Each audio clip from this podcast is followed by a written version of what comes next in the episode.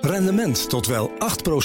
Ontdek Unity. Wij bieden koppelbare werk, kantoor en opslagruimtes die staan voor duurzaamheid, kwaliteit en veelzijdigheid. Sluit je aan bij Unity, waar alle ruimte is voor creativiteit, lef en rendement. Kijk voor meer informatie op unity-units.nl.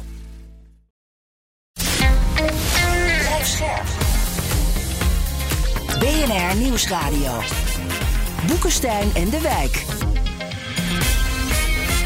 Hugo Reitsma. Welkom bij Boekenstein en de Wijk. Het is vrijdag, dag 408 van de oorlog in Oekraïne. Wachtmoed? Ja, moet maar. Hè. Interessant is trouwens, hè, jullie weten dat uh, Zelensky op staatsbezoek is uh, geweest uh, in Polen. Ja. wat hij daar heeft gezegd, nou op een gegeven moment zouden we inderdaad Bakmoed kunnen verlaten. Als de situatie onhoudbaar wordt. En toen heeft hij gezegd, ja, Bakmoed is nog niet ontsingeld. dus mm -hmm. dat hoeft nu nog niet, maar het, het zit er nu toch wel aan te komen hoor. De laatste berichten die ik zag, dat uh, die, uh, die T0504 snelweg, dat is een snelweg eigenlijk die vanuit Bakmoed, uh, de enige grote weg nog die vanuit Bakmoed Oekraïne ingaat, of het niet bezette gebied ingaat, ja, die begint nu ook onder druk te komen dat er vanuit het noorden aanvallen worden gepleegd. En er zijn nu toch ook berichten uh, ook wel bevestigde berichten dat uh, het, het, centrum toch niet meer veilig is. Het Britse ministerie van Defensie, zeg ja, ik. Uh, die heeft dat ja. gezegd. Dus je kunt, ja, het lijkt wel dezelfde situatie als Nederland, waar het kabinet in slow motion valt. Ja. Dat zien we dus hier ook gebeuren. En dat slow motion kan dus een hele tijd gebeuren. Hè. We hebben. Mm -hmm. Uh, dat is wel vaker geconstateerd. Dat uh, het niet zo is dat als je denkt dat Bachmoed gaat vallen, dat het ook volgende week het geval is. Dat kan gewoon uh, misschien wel een half jaar duren. Nou, het lijkt... Zagen we eerder natuurlijk ook bij Severodonetsk bijvoorbeeld. Ja, ja. Ja, ja, exact. Dus dat kan echt heel erg lang gaan duren. Maar uiteindelijk is dat bijna onvermijdelijk. En dan maar hopen dat de Oekraïners zoveel Russen hebben ja, eigenlijk afgeslagen. Want daar komt het feitelijk op neer. Hmm. Dat ze daar een voordeel bij kunnen halen bij hun komende offensief. Ja. Toen eerder, en ik heb over Severodonetsk, dat was vorig jaar zomer toen die stad viel. Toen leerde ik van militaire experts die zeiden: Oekraïne hebben eigenlijk de strategie om de, de Russen door stadscentra heen uh, te halen en, en het gevecht in het open veld te vermijden. In het open veld zijn ze in het nadeel door al die Russische artillerie. In de stad kan je natuurlijk veel makkelijker ja. Uh, nou ja, eigenlijk meer slachtoffers maken bij de tegenpartij. Is dat niet ook wat er nu precies in Bagmoed gebeurt? Ja, de omsingeling lukt niet. Ze gaan dwars door het centrum. Ja. Dat kost veel slachtoffers. Dat kost heel veel slachtoffers. En wat echt interessant is, dat is ook net bekend geworden. Er zijn zogenaamde Storm Z-compagnieën zijn er door uh, uh, Rusland uh, opgericht. Wat is dat? Daar is nou, de Storm Z-compagnie, een compagnie is pakweg 100 man in, voor, in Rusland. dat zijn, daarin zitten kleine groepen die kunnen doen aan verkenningen, maar ook aan uh, het, uh, het uh, uitvoeren van operaties in stedelijk gebied. Hm. En het idee is, is dat deze troepen moeten worden ingezet in de Donbass. Om ervoor te zorgen dat je inderdaad wat makkelijker door die steden heen kunt, kunt gaan. En deze eenheden die moeten bijvoorbeeld commando centraal onschadelijk maken. Ehm, of die moeten ehm, inlichtingenkanalen onschadelijk maken. Dus hele specifieke operaties moeten, moeten ze uit, uitvoeren om ervoor te zorgen dat je inderdaad door stedelijke gebieden heen komt. Of het lukt, dat weet je natuurlijk niet. maar dat is wat er nu zit en het is, of aan de hand is. En het wordt georganiseerd buiten de reguliere strijdkrachten om. Hm. En wat ik er gewoon heel angstaanjagend aan vind, is dat ik lees hier dus ze hebben de Westbank of die Baghmuta-rivier hebben ze bereikt. Hè? Ja. Daardoor kunnen ze dus die enige aanvoer die er is, kunnen ze dus gewoon uh, bedreigen. Nou ja, dan, dan, dan ga je gewoon de zaak uh, ja. uitputten. Mm -hmm. ja, het is toch wel interessant wat er nu gebeurt. Hè? We weten dat een adviseur van Zelensky nu heeft gezegd van als wij voor de poorten van Kiev, van sorry, van uh, de Krim staan, ja. Uh, dan zijn we wel bereid om te onderhandelen. Nou, vervolgens is er een hoop gekakeel ontstaan in uh, Kiev, waarbij uh, uh, anderen zeiden van ja, nee, dat is niet zo. Dat oh, willen we helemaal niet. Want er is ook een decreet dat we niet gaan onderhandelen. Dat ja, dat heeft Zelensky uh, ondertekend. Ondertekend. Ja. We willen helemaal niet gaan Eerst onderhandelen. moeten alle Russische troepen weg. Exact. Uit heel maar je ziet toch wat het aan het schuiven is. En ik denk dat dit wel klopt. En het is ook niet vreemd dat iemand dit zegt, want realiseer je, dit heeft eerder gespeeld. toen we tot april is er zeg maar onderhandeld over, een, over een akkoord. En een van de punten die toen is uitgelekt, was dat uh, Zelensky best wel bereid was om in ieder geval het, de discussie over de Krim op de lange baan te schuiven. Om mhm. die even te parkeren. Dat was denk ik ook wel verstandig. Want hij weet natuurlijk eh, dat als hij de Krim gaat pakken, uh, ja, dat dan voor Rusland echt een vitaal belang aan, aan de orde is. En ja, dan is natuurlijk weer hele angst dat dat gaat escaleren en dan krijgen we weer kernwapens. Nou goed, dat, dat weten we nou langzamerhand wel hoe dat hoe dat zou kunnen gaan eh, verlopen. En dat, dat heeft ook altijd Amerika uh, gedwongen tot het, het, tot het aandringen ja, van, van, van terughoudendheid van Kiev als ze de Krim proberen aan te pakken. We zien dus beweging ten aanzien van de Krim en we zien beweging ten aanzien van Bakhmut zelf ook. Er zijn verschillende scholen hoor. Ja. op dit gebied. de ene school die zegt: geef die uh, Oekraïners ATACMS. Dat zijn die uh, raketten met een langere drag, waardoor ze gewoon echt de Krim kunnen aanpakken. Want dat is het center mhm. of gravity, zoals dat in het militaire jargon heeft. Het zwaartepunt van, uh, van de, de, de, Russische operaties. En dat is zo. En anderen die zeggen: nee, doe dat nou niet. Want dan kan de boel compleet escaleren. En dan hebben we echt een kernwapenoorlog. Nou, die, die twee, die twee, ja, die twee visies die staan met name in de Verenigde Staten lijnrecht tegenover elkaar. Ja. Hey, spannendste verhaal eigenlijk vandaag was allemaal gelekte geheime documenten van de Amerikanen en van, uh, van de NAVO. Arjan, wat, wat heb jij ervan gezien?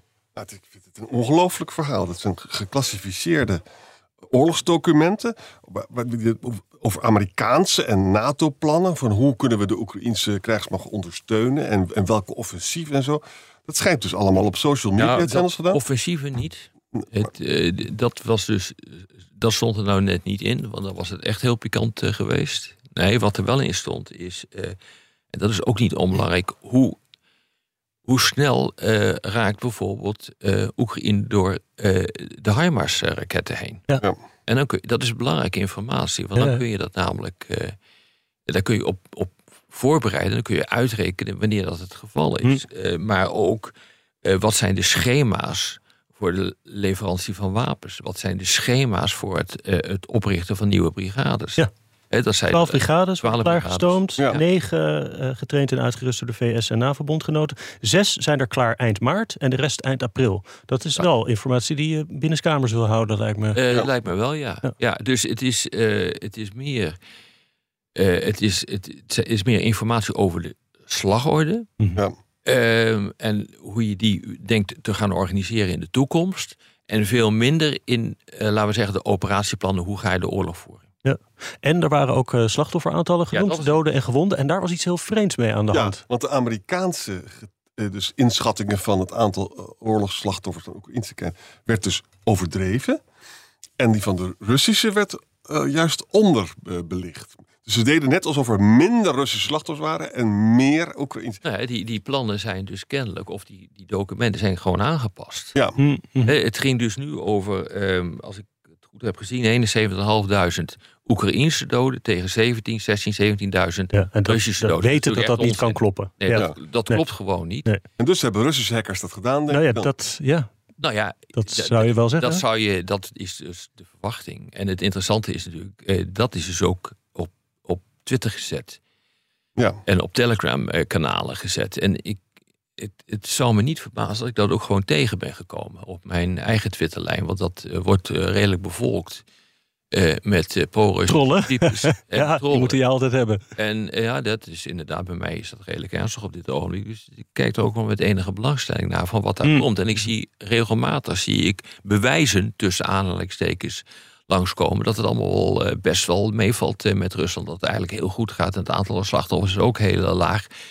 Ik weet niet of dat afkomstig is uit deze documenten, maar het zou mij niet verbazen. Want ik hm. zie ook stukjes teksten vaak bij je staan. Ja. Hoe schadelijk is zo'n lek? Misschien ook voor het vertrouwen, uh, voor de inlichtingenuitwisseling tussen Oekraïne en, en, en. Het is natuurlijk nooit goed, maar het feit dat dus die cijfers niet kloppen, maakt het ook, geeft ook een contraproductief eh, effect. Ja, dat denk ik ook. Dat je daar gelijk in hebt. Maar realiseer je wat er gebeurd is. In het begin wilden de uh, Oekraïners helemaal geen informatie delen met de Amerikanen. Althans, niet in voldoende mate. Daar eigen de Amerikanen zich kapot aan. Omdat de Oekraïners vrezen dat het zou uitlekken. Ja. toen, dan zie je dus dat op een gegeven ogenblik eh, gedurende de oorlog eh, die informatieuitwisseling ontzettend eh, hecht wordt. En dat er ook doelwitten worden aangewezen door de Amerikanen dat als doelwit informatie hm.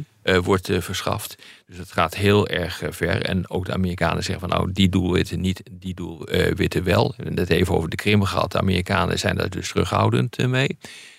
Ja, en dan, ja, dan zie je natuurlijk een, een hele discussie ontstaan van oké, hoe gaan we dan samenwerken? En dit is wel een klap, denk ik, voor die samenwerking. Want hier gebeurt namelijk precies wat de Oekraïners hebben gevreesd in het, uh, in het begin. Namelijk uh, dat het uitlekt. En dat lekt ook uit.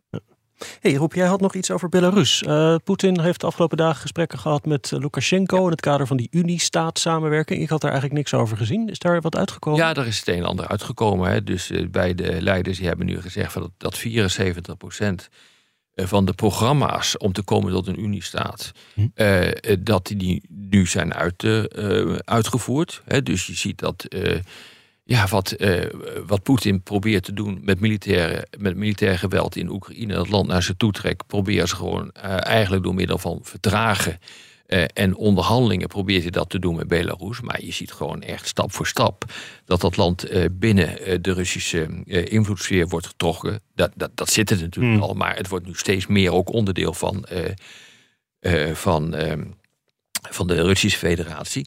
en wat je ziet is dat er nu een gezamenlijk systeem is ontwikkeld voor indirecte belasting. Daar is nu een een, eh, een, ehm, een, discussie over geweest en daar zijn hm. besluiten over eh, genomen. Er komt uh, gezamenlijke wetgeving op handelsgebied. Niet onbelangrijk, er komen gezamenlijke initiatieven met betrekking tot de micro-elektronica-industrie. Niet onbelangrijk, hm. ook voor de oorlogvoering.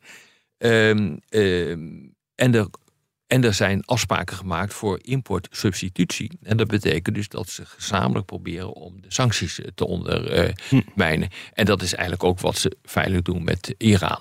Ja. Dus ja, je, je ziet echt gewoon een, een hele nauwe samenwerking ontstaan. Wat ik hier zo interessant aan vind, is moet je je voorstellen hoe een land als Kazachstan hier naar kijkt. Hè?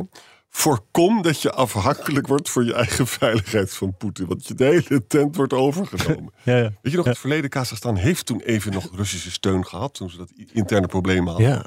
Nou, Kazachstan zal er alles aan doen dat niet nog een keer te doen. En trouwens, Poetin heeft de kracht er ook niet meer voor. Maar het is toch verschrikkelijk. De, Lukashenko is gewoon een deerniswekkende man. Hij betaalt een enorme hoge prijs voor het neerslaan van zijn eigen democraten. En nu is hij gewoon uh, stroomman geworden. Mm Um, Macron en von der Leyen natuurlijk, ja. wat we nog over hebben, in, ja. uh, in Beijing geweest. Uh, nou, daar zag ik eigenlijk ook niks uitkomen. Althans geen teksten die ik nog niet eerder had gehoord. Nee, nee, ook niet van misschien wel. Hè. Macron die had 50 uh, man in zijn kielzog. Ja. En dat, met name denk ik dat er enorme discussies op dit ogenblik gaande zijn over Airbus. De, de, de, de, Dozijnen Airbus. Hè?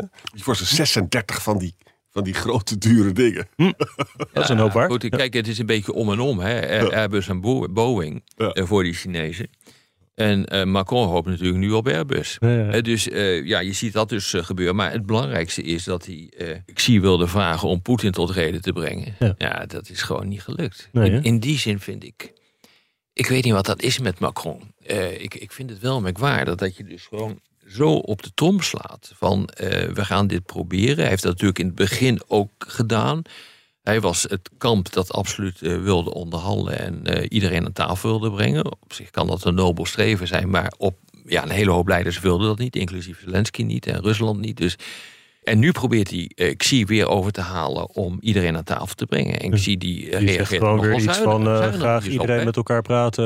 Ja. Nou, ik denk inderdaad, hè, de analyse die we eerder hebben gemaakt, die klopt gewoon. Wat daar gebeurd is in, in Moskou tijdens het bezoek van Xi en Poetin, is dat Poetin gewoon tegen Xi heeft gezegd, bekijk het maar. Mhm. Wij vechten gewoon door en wij hebben alle mogelijkheden nog. En wij zitten echt niet te wachten op op een vergelijk. En dat wordt nu bewezen weer door Peskov, deze theorie. Ah, Kremlin-woordvoerder. De, de Kremlin-woordvoerder die heeft gezegd van... Er, wij zien op dit ogenblik geen enkele mogelijkheid tot bemiddeling. En dat is echt interessant dat dat gebeurd is. Dat moet dus ook zijn gecommuniceerd aan uh, Poetin, aan uh, Xi... tijdens zijn bezoek van er is geen mogelijkheid uh, tot bemiddeling. En Peskov voegt eraan toe. Rusland moet gewoon doorvechten. Nou, even, even over Macron en von der Leyen, want dat vind ik dan wel grappig. Von der Leyen is op uitnodiging van Macron meegegaan. Hè? Heel anders dan Scholz. Uh, oh ja, die wilde niemand mee. Ja. Wilde niemand Nou, wat, wat, er vervolgens dan gebeurt is dat Macron wordt over de rode loper uitgenodigd. En die arme von der Leyen die moet er staat één Chinees erop te wachten. Oh ja? Bij een van de grijze terminal. Hè? Ja, ja, ja. Dat is natuurlijk niet erg handig. En Macron mocht zes uur praten en von der Leyen veel minder. Ha. Nou, wat, dat is één observatie. Het tweede is dat het good cop, bad cop was er heel duidelijk aan de gang. Dat dus de Franse charme-offensief. Maar von der Leyen zei heel duidelijk dat uh, was veel, veel uitgesprokener daarin. Ja, ja. Maar wat ik het jammer... Kijk, Macron moest dit uh, proberen. Hij moest trouwens ook uh, von der Leyen doen. Maar als het zo is, en daar lijkt het heel erg op wat Rob net zei: van ja, met Xi valt gewoon niet te dansen. Ja? Want Xi heeft helemaal geen invloed op Poetin. Poetin gaat sowieso wel door. Daarmee ondermijn je ook een beetje de Franse positie natuurlijk. Hè?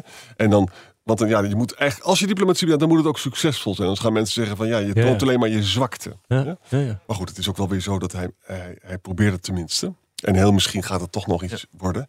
Maar ik vind het heel mager tot nu toe. Ja, er komt niks uit. Maar ik begrijp dus ook niet waarom je dat dan doet. Want je weet bijna zeker. Als, als, als dus de analyse die ik net maakte klopte. Dan weet je gewoon zeker dat je geen deuk in een pakje boter kan slaan in, uh, in Beijing. Maar uh, er is natuurlijk wel even een ander punt. Hè. Kijk, uh, realiseer je dat, dat Frankrijk een van de belangrijkste landen in de Indo-Pacific is. Ja. je moet eens even naar de kaart kijken naar de exclusieve economische zones. Nou, als je kijkt gewoon, het, eh, feitelijk is het hele oostelijke deel van de oceaan ten oosten van uh, Afrika, ja. is, is, is Frans. Wat? Ja. Niet meer, toch? dat Réunion? Of, uh... Jawel, maar er zijn allemaal kleine eilandengroepen. Door dat hele gebied heen. Ja, ja, het is echt duizenden, tienduizenden vierkante kilometers. Exclusieve economische zone. Ah. Dan ga je naar Australië. Een nog veel groter gebied. Ja het, uh, Frankrijk is een van de allerbelangrijkste spelers in de Indo-Pacific. Ja, ja. Er zijn 8000 uh, militairen ja. gestationeerd. 93% van de exclusieve economische zone van Frankrijk ligt daar. Dus het is gigantisch. Nee, ik zou je aanraden om even in te toetsen. EEZ, Frankrijk, en dan even op uh, kaartjes kijken, dan zie je hoe groot dat is. En dat, zijn, dat gaat dus om, om oude koloniën eigenlijk nog, die, ze, die ze nog hebben. Dat Indochine hebben ze dan uh, verloren. Ja, ja, ja, nee, maar, uh, dat, is echt, dat is echt gigantisch. Dus inderdaad het gebied rond Réunion. Maar dat, dat is maar één van de vele gebieden. maar ja, je, hebt enorme gebieden in de buurt van Australië rond Amsterdam en de Sint-Paul-eilanden. Ja, daar heeft echt nog nooit iemand van gehoord. Ja, Apeldoorn of zo. Ja. Dus, en Frans-Caledonië, Frans, nou ja, enzovoort. Ja, ja, Polynesië, Frans-Polynesië. Frans-Polynesië. Het is echt gigantisch. Ja, Frankrijk heeft de grootste exclusieve economische zone van de wereld. Van de wereld, ja. Namelijk uh, 4,5 miljoen vierkante kilometer. Dat bedoel ik maar. Nederland heeft trouwens ook een exclusieve economische zone met die Bes-eilanden, zo, maar dat is veel kleiner. Ja. Dus de Fransen zitten dus het is nog steeds de zonnekoning. Het is een sleutelspeler in, uh, ja. in dat deel van de wereld. Dus de zon gaat dat verklaart ook waarom dat hele he, uh, uh, dat AUKUS-pact. dus dat is dat pact waar de Britten, de Amerikanen en de Australiërs hebben besloten om onderzeeboten, mm. nucleaire onderzeeboten aan Australië te leveren ten koste van Frankrijk. Ja. Dit is de belangrijke reden waarom Macron des duivels was toen dat gebeurde. Ja, ja. Want daarmee was hij in één klap geen speler meer. Ja. Fascinerend. Hey, um, voordat we uit de tijd lopen, had je ook nog een probleempje met Taiwan. Dat weer aardig aan het oplopen is. Uh, terwijl we allemaal naar Oekraïne aan het kijken zijn. Ja, nou ja, de, drie dingen tegelijkertijd. Hè. Ik bedoel, uh, dus we hebben president uh, Tsai Ing-wen, wij, die uh, uh, een stop overmaakt. Stop overslaat natuurlijk nergens op. Hij heeft gewoon een bezoek gebracht aan Los Angeles. Zij, ja. zij. Uh, om daar met, ehm, met Kevin McCartney te spreken, de speaker van, wat is het? het Huis, Huis. afgevaardigden. Ja. Dan hebben we ex-president Ma Ying-Yao. Hmm. Als ik het goed uitspreek, ongetwijfeld niet. Die naar het vasteland gaat voor de eerste keer eigenlijk sinds, wat is het, 49, toen de Kuomintang uh, vluchtte naar uh, Taiwan, dat zo'n iemand daar naartoe ging. Hm. Dan hebben we het, eh, het Macron-bezoek. Dus er gebeurt echt op, op dit ogenblik een, heel, een hele hoop. En je ziet dus gewoon dat ook naar aanleiding eh, van het eh, bezoek van Amerikaanse congresleden ook nog weer een keer aan Taiwan. Dat er dus ook een, echt een, een enorme controverse begint te ontstaan tussen China en de Verenigde Staten. En dat leidt weer tot allerlei oefeningen en wapengekletter. Ja. Dus het is gewoon niet ongelooflijk gezellig wat hier gebeurt op dit ogenblik. En misschien is het ook wel zo dat uh, zie ook helemaal niks beweegt. Dat heeft totaal niet bewogen. Omdat hij allemaal plannetjes heeft. Hè? Wie zal het zeggen? Hij wil niet praten eigenlijk met het Westen. Het kan zijn omdat hij geen invloed op Rusland heeft. Maar het kan ook zijn dat hij... Uh, gaan allemaal dingen gebeuren. Mm. En we, trouwens ook de, moeten even praten over de oorlogsschepen en zo. En, en het vliegtuigschip dat er zit. En uh, heel gezellig allemaal. En, en, China heeft inspecties van schepen in de straat van Taiwan aangekondigd. Ja. Dus dat, uh, ja, dat, dat zijn dingen die ook heel makkelijk mis kunnen lopen. Nogal? Lijkt me. Ja, dat, natuurlijk. Als dit een voorbouwde is van een mogelijke blokkade. Want dat is natuurlijk wat heel veel mensen denken. Ja, weet je jongens. Uh, ja, dan, uh, dan, ja, dan hebben we natuurlijk gewoon een geweldig probleem. Niet alleen in Europa, maar ook in Azië. Ja, dit is wel... Kijk, dit leidt natuurlijk gewoon van kwaad tot erger dus uh, Poetin die wil nu ophouden in, uh, in Oekraïne. Uh, China die zegt Taiwan is van mij. Niemand zegt dat dat niet zo is. Ja.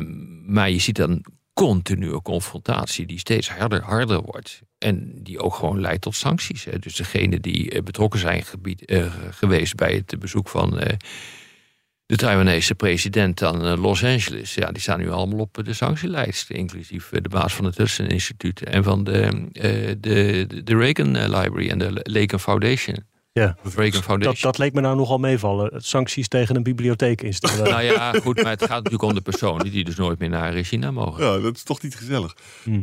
Weet je, als je, als je met zo'n blokkade gaat oefenen de kans op ongelukken is zo groot. Hè? Als iemand te trigger happy is. En het, het is Trouwens, ook de inspectie van schepen dat is ook niet heel erg aangenaam. Hè? Als iemand dat weigert, wat gebeurt er dan? Meer over Taiwan en die verwevenheid van de conflicten in Europa en Azië. Morgen in gesprek met Financial Times commentator Gideon Rachman. Ja. Vertel ik alvast. Nou, en met dit sombere verhaal sturen we mensen maar gewoon het weekend in. Het, vrolijk paas. Ja. Vrolijk paas. Doei. Succes met eieren zoeken. Rendement tot wel 8%.